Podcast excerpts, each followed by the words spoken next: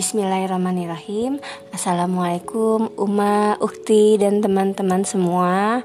Kali ini dari Uma Gina Talk Kita akan ngebahas segmen yang berbeda.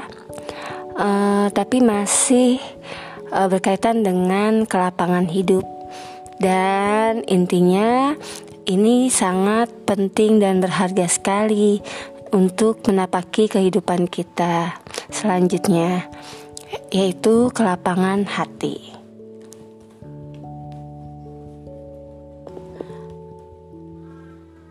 Hati yang lapang uh, tentunya sangat kita inginkan ya hati yang bersih, lapang, hati yang salim, yang selamat karena ternyata dalam Riyadus Solihin uh, ada dalam keyakinan dan ketawakalan kepada Allah uh, dalam hadis riwayat Muslim Abu Hurairah radhiyallahu anhu berkata bahwa Nabi Muhammad SAW bersabda beberapa kaum yang hatinya seperti hati burung akan masuk surga hadis riwayat Muslim.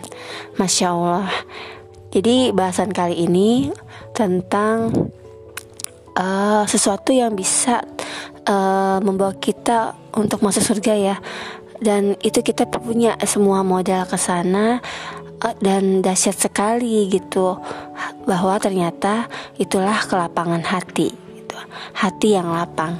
Nah, uh, di bahasan minimalisme ini kan uh, bagaimana Rasulullah memberikan gambaran tentang kebahagiaan hidup yaitu dengan salah satunya rumah yang lapang gitu secara fisik ya. Nah, ini dalam jasad kita juga termasuk yaitu hati yang lapang. Dan bisa juga uh, bahkan sampai masuk surga dengan hati seperti burung. Ha, kenapa uh, Rasulullah menggambarkan perumpamaan seperti burung ya? Ternyata uh, burung itu hatinya lembut, ya bukan hati yang keras. Uh, apa susah menerima perbedaan atau uh, masukan gitu ya? Hati yang uh, sedikit-sedikit menolak gitu ya uh, kebenaran atau mungkin yang disampaikan oleh orang yang lebih muda darinya atau yang bukan siapa-siapa gitu ya. Hatinya tidak mudah menerima kebenaran. Nauzubillah menjalik ya jangan sampai uh, kita memiliki hati yang keras. Jadi hati burung itu uh, ternyata lembut gitu ya, memiliki kelembutan hati, kelapangan gitu. Nah, bagaimana kita bisa memiliki hati yang lapang ini?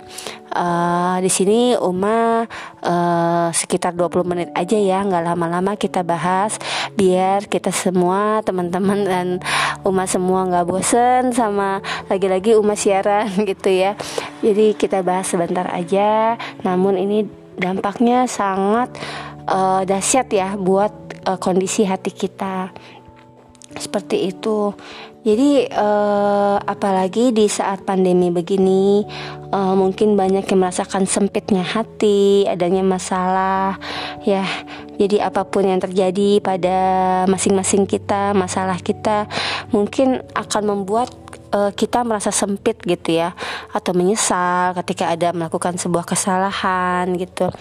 Ketika ujian datang ya mendera kadang memang hati kita sebagai manusia wajar merasa sempit gitu ya. Sesak atau merasa panas mungkin ya terpancing gitu ya.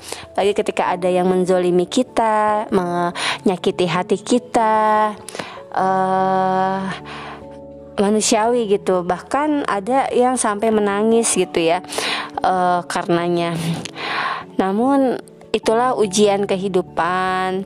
Batu loncatan ujian-ujian itu membuat uh, kita bisa lolos dari ujian jadi naik lebih tinggi tingkatannya.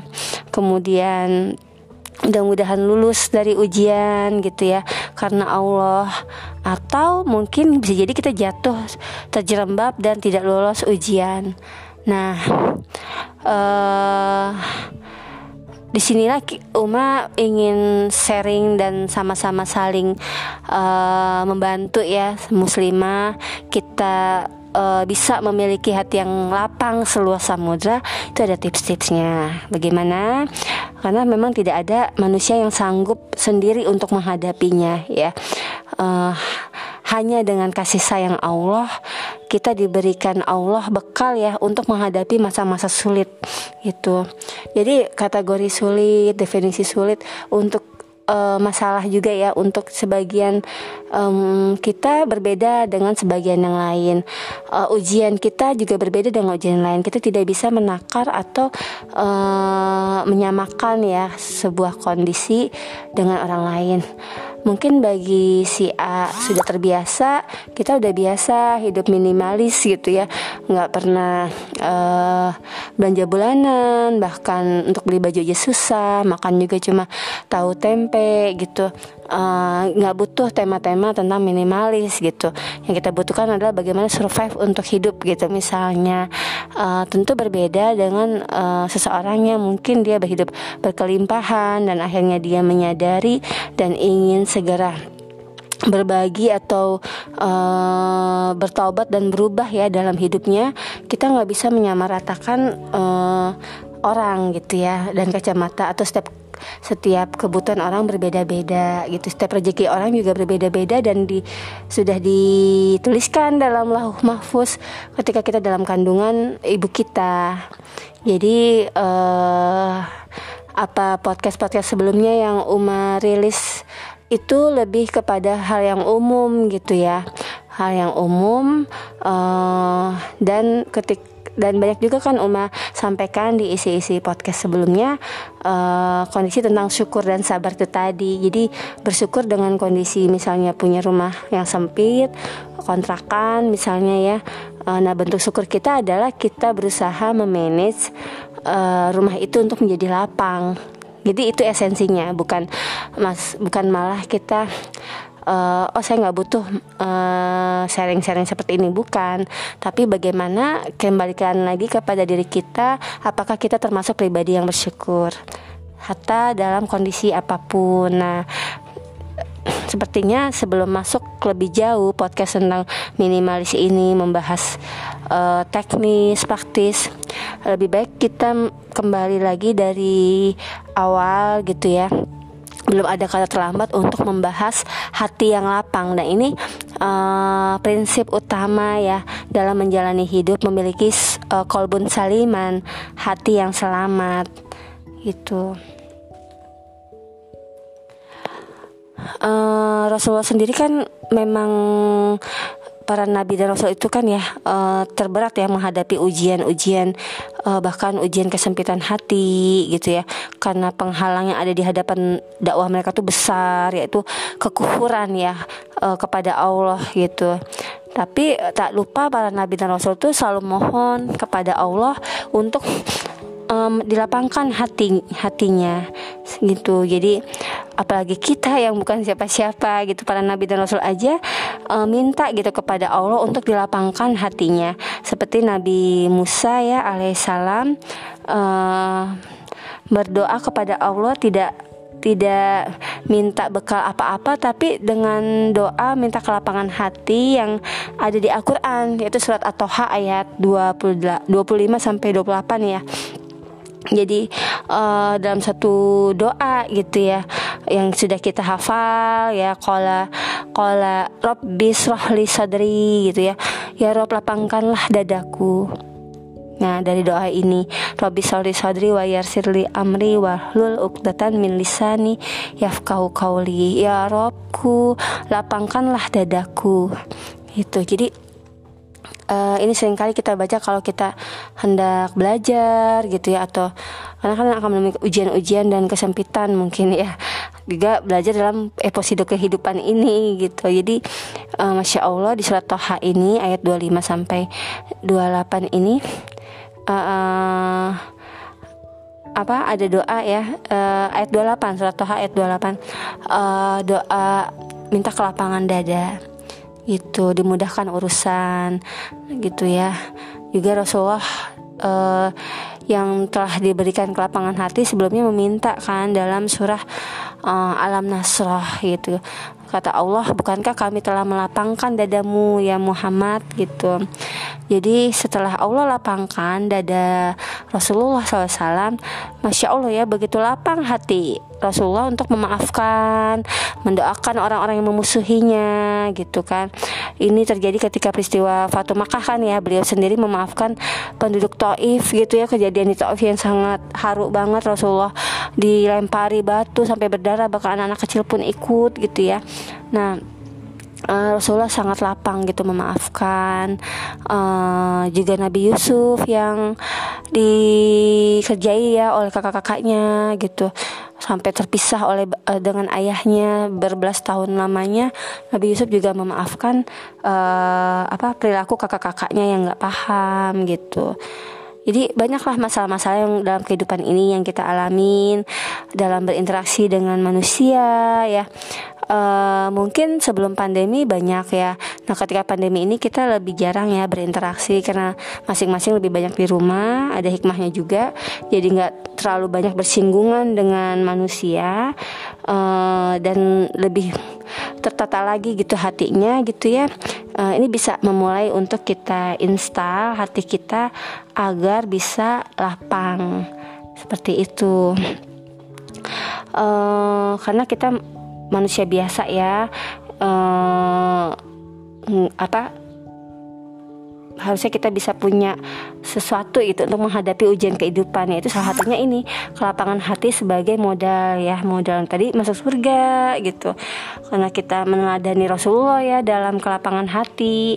Juga kita mengikuti yang Allah wajibkan ya kepada Rasulullah tuh eh, ketika banyak masalah yang datang ujian dakwah dan segala macamnya Rasulullah menyuruh memerintahkan kepada Rasulullah ya Allah memerintahkan kepada Rasulullah uh, untuk melaksanakan qiyamul Nah, ini uh, tips yang kedua. Yang pertama tuh tipsnya agar hati kita lapang gitu ya, nggak sekedar rumah kita lapang gitu ya. Uh, kelembutan hati tadi gitu, salamatus sadar, kelembutan hati ya. Uh, hati yang lapang. Jadi bukan yang hati yang keras. Nah, uh, mau ya menerima kebenaran gitu walaupun datangnya dari yang lebih muda dari kita atau yang lebih belakangan hijrahnya dari kita gitu seperti itu jadi yang kedua tips dari Rasulullah itu sholat tahajud Jadi dalam Qiyamul itu ada keberkahan untuk kita bisa melap melapangkan hati kita Karena akan mendekatkan diri kita kepada Allah Subhanahu Wa Taala seperti itu. Nah, uh, ini tips yang kedua. Bagaimana kok Uma bisa sih nggak marah, diginin orang segala macam, dizolimin, uh, diutangin gitu ya, nggak bayar-bayar udah tiga tahun misalnya.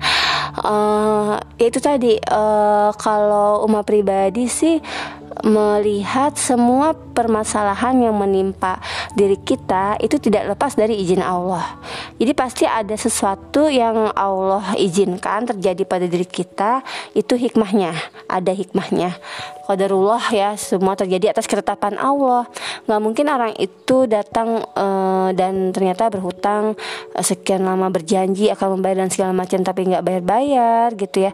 Itu semua memang sudah Allah setting gitu ya terlepas dari perilaku zalim orang lain gitu ya. Uh, misalnya Allah menginginkan kita bersedekah setiap hari sebesar apa yang kita piutangkan tersebut gitu. Kalau kita membeli piutang yang sangat besar ya bahkan uh, puluhan juta atau belasan juta, nah itu satu yang dahsyat yang Allah hendaki kebaikan pada diri kita. Jadi sepanjang orang tersebut belum membayar hutang hutangnya kepada kita kita diibaratkan Allah bersedekah setiap harinya sebanyak apa yang kita berikan kepada orang untuk uh, dipiutangkan. Masya Allah kan? Seperti itu. Jadi uh, ada hikmah-hikmah yang Allah berikan gitu ya kepada kita. Tadi kayak mulai dan perbanyak doa ya tipsnya juga zikir. Karena zikir itu akan mendekatkan hati kita ya uh, kepada Allah dan kita bisa berlapang dada gitu.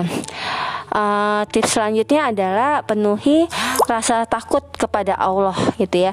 Jadi menjadi alat kontrol hati kita ketika uh, ada suatu masalah, kemudian kita merasa takut kepada Allah.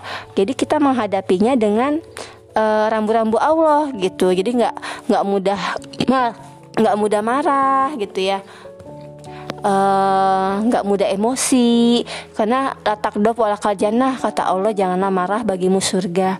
Nah ini uh, kalau marah kan hati kita jadi sempit ya. Jadi apa ya sesak gitu.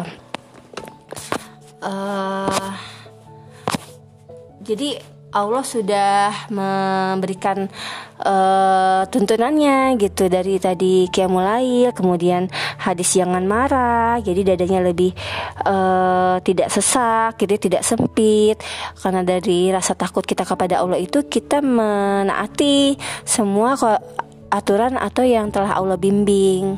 Seperti itu ya jadi ini tips yang selanjutnya Nah, ketika kita sakit hati karena dizolimin, kita jangan fokus pada siapa yang menyakiti hati kita. Jangan fokus ke orangnya gitu ya. Tapi kita sebaiknya langsung mengevaluasi diri gitu ya. Uh, kenapa kita harus merasa sakit hati gitu padahal harusnya lapang gitu. Jadi kalau umat tuh kalau ada suatu permasalahan lebih ke uh, introspeksi diri sendiri dulu gitu ya.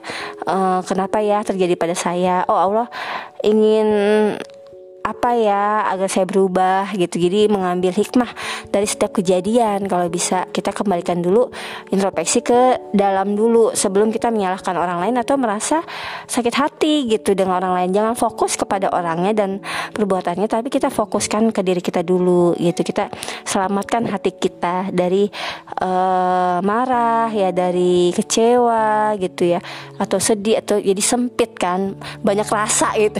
Banyak rasa yang ada di dalam dalam hati jadinya kan sempit ya. Jadi sesek kayak rumah gitu kan banyak barang jadinya rumahnya sumpek.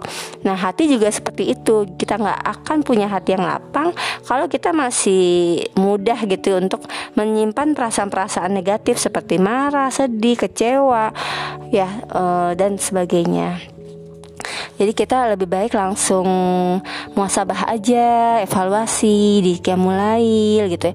Memperbaiki hubungan kita dengan Allah. Jadi insya Allah nanti hubungan kita dengan manusia pun membaik gitu ya, insya Allah. Jadi uh, agar hati lapang dan tidak sempit, uh, juga selanjutnya kita lebih kusuk ya, harus mengkusuk mengkusukkan diri gitu untuk beribadah gitu. Jadi perbanyak doa dan zikrullah. Jadi hati kita akan tersibukkan oleh zikir. Jadi membersihkan dari noda-noda penyakit-penyakit hati gitu. Itu sih ya yang benar-benar efektif banget ya menjadi pribadi yang lapang gitu. Hati yang lapang hati yang bersih. Uh, adapun tips-tips yang lain seperti uh, kita menganggap agar memiliki hati yang indah, hati yang lapang, bersih, bagus. Uh, ibaratnya aja sebuah batu gitu ya. Banyak sekali uh, goresan-goresan dipahat, diasah gitu ya batu itu untuk menjadi sebuah permata yang indah. Dia butuh proses digerus digerus digerus. Sakit gitu kan digerus-gerus seperti itu. Dan lama-lama dia menjadi berkilau gitu dan indah. Nah demikian pula hati kita ketika banyak orang yang mencela orang yang mencibir meremehkan kemudian komen gitu ya atau suuzon berpandangan negatif kepada kita ya kita tidak usah diambil hati, tidak usah merasa kecil hati.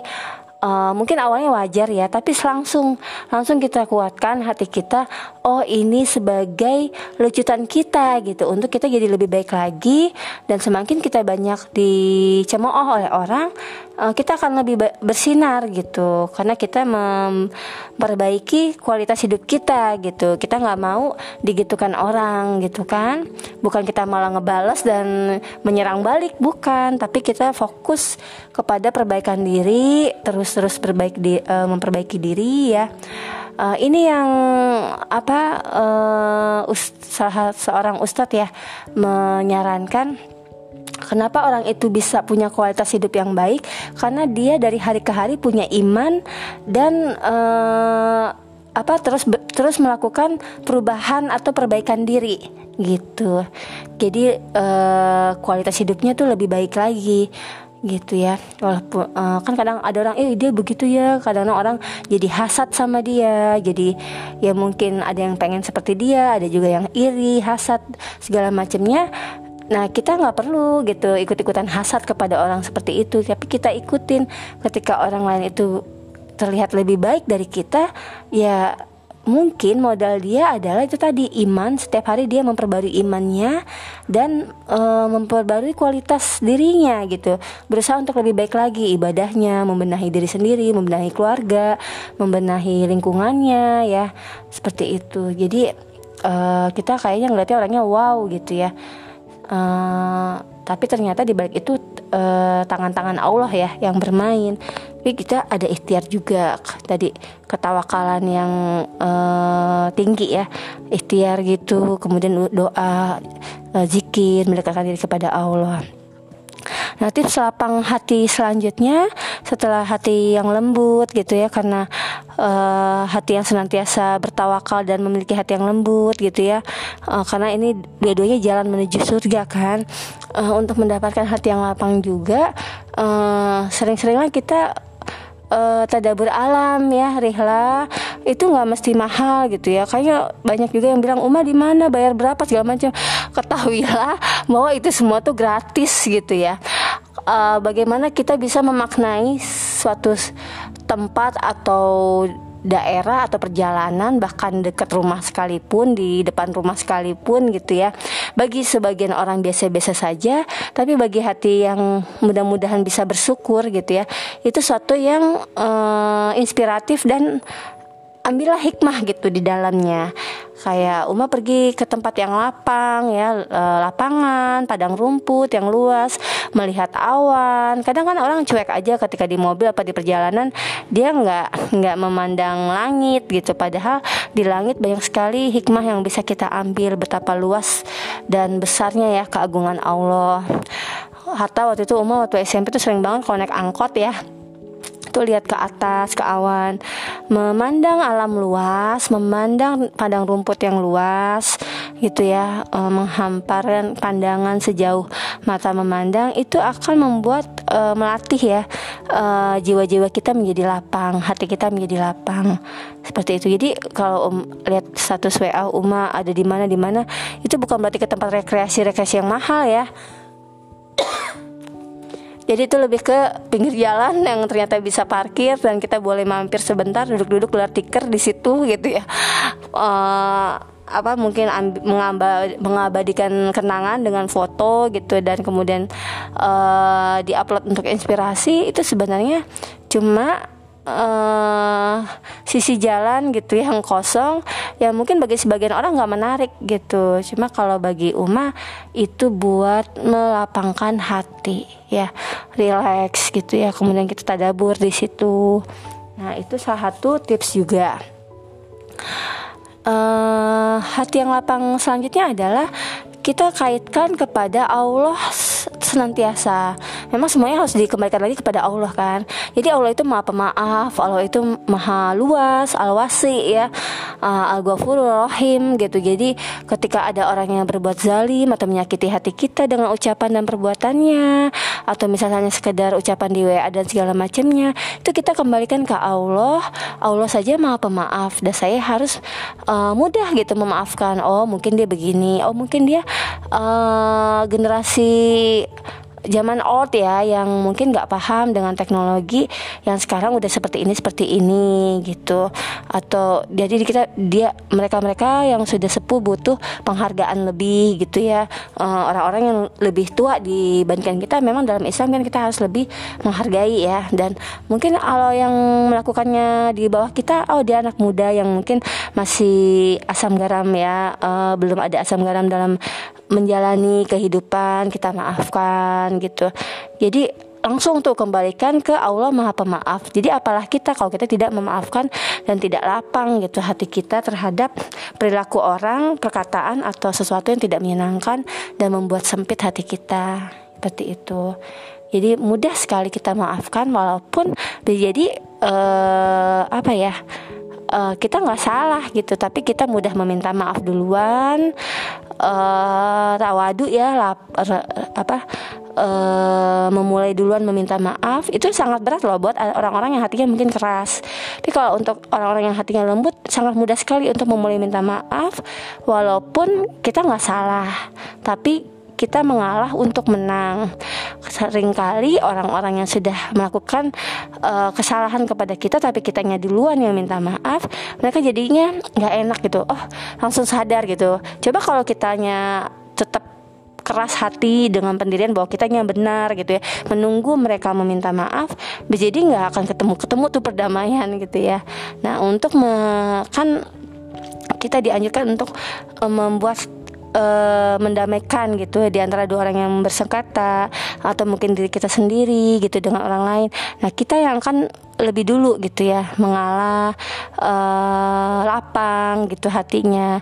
Jadi harmoni itu tercapai. Bukan berarti kita orang yang selalu ditindas ya bukan gitu. Tapi insya Allah nanti Allah sendiri yang akan membuka gitu kebenarannya. Ya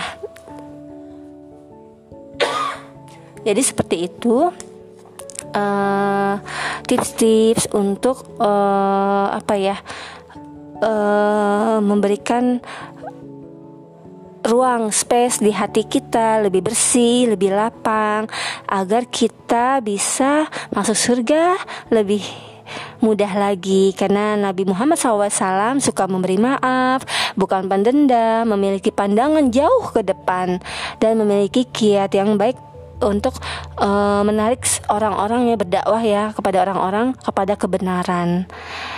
Nah, mungkin itu saja karena nggak berpanjang kalam. Mudah-mudahan bisa dipraktekkan ya, walaupun memang nggak semudah dalam uh, podcast kali ini Uma mengucapkan, tapi bisa kok dan Uma sudah membuktikannya. Uh, yang penting komunikasi itu juga terus dibangun. Memang ada beberapa orang yang lebih suka memendam ya, tidak menyampaikan gitu ya. Mungkin khawatir menyinggung perasaan atau bagaimana. Tapi kalau nggak suka dan dia pendam sendiri, akhirnya hatinya menjadi kotor sendiri gitu ya uh, akhirnya jadi jadi penuh kan gitu dengan prasangka prasangka dan segala macamnya jadi hatinya nggak lapang nah kalau komunikasi lancar dengan hal yang baik saling uh, bisa uh, tenggang rasa dan husnuzon ya kepada saudaranya memberikan 70 alasan gitu ya uh, prasangka yang baik husnuzon kepada saudara kenapa sih kok dia melakukan itu kenapa kok dia posting itu segala macam. Oh mungkin itu untuk menasihati dirinya sendiri. Oh mungkin itu untuk dakwahnya dia. Oh mungkin itu tuh uh, apa caranya dia dalam mengisi waktu luang oh mungkin begini oh mungkin sampai 70 kali kalau bisa jadi kita tidak memberikan ru uh, kesempatan setan masuk untuk mengotori hati kita Ya, itu saja dari Uma. Semoga bermanfaat. Selain rumah lapang, hati juga lapang. Tentunya yang utama hati lapang, bersih, dan kita lebih dekat lagi kepada Allah. Insya Allah, Bismillah. Assalamualaikum umat semua dan teman-teman Ukti semua. Mohon maaf kalau umat ada kesalahan. Jika suka podcast ini silahkan di share ke keluarga, sahabat, kerabat terdekat Dan teman-teman atau adik-adik gitu ya. Dan mudah-mudahan mohon doanya Uma akan membuat podcast serial podcast di YouTube yang lebih mudah dijangkau ya. Dan insya Allah podcast ini juga nggak harus aplika uh, install aplikasinya. Dengan langsung mengklik link yang diberikan insya Allah langsung bisa didengarkan sambil istirahat sambil masak atau sambil mengerjakan rutinitas yang lain. Itu tidak apa-apa karena Uma bukan ustazah ya. Dan ini kita cuma sharing-sharing uh, obrolan-obrolan ringan semata Mudah-mudahan bisa diambil manfaat dan bisa jadi amal jariah. Amin ya robbal alamin. Assalamualaikum.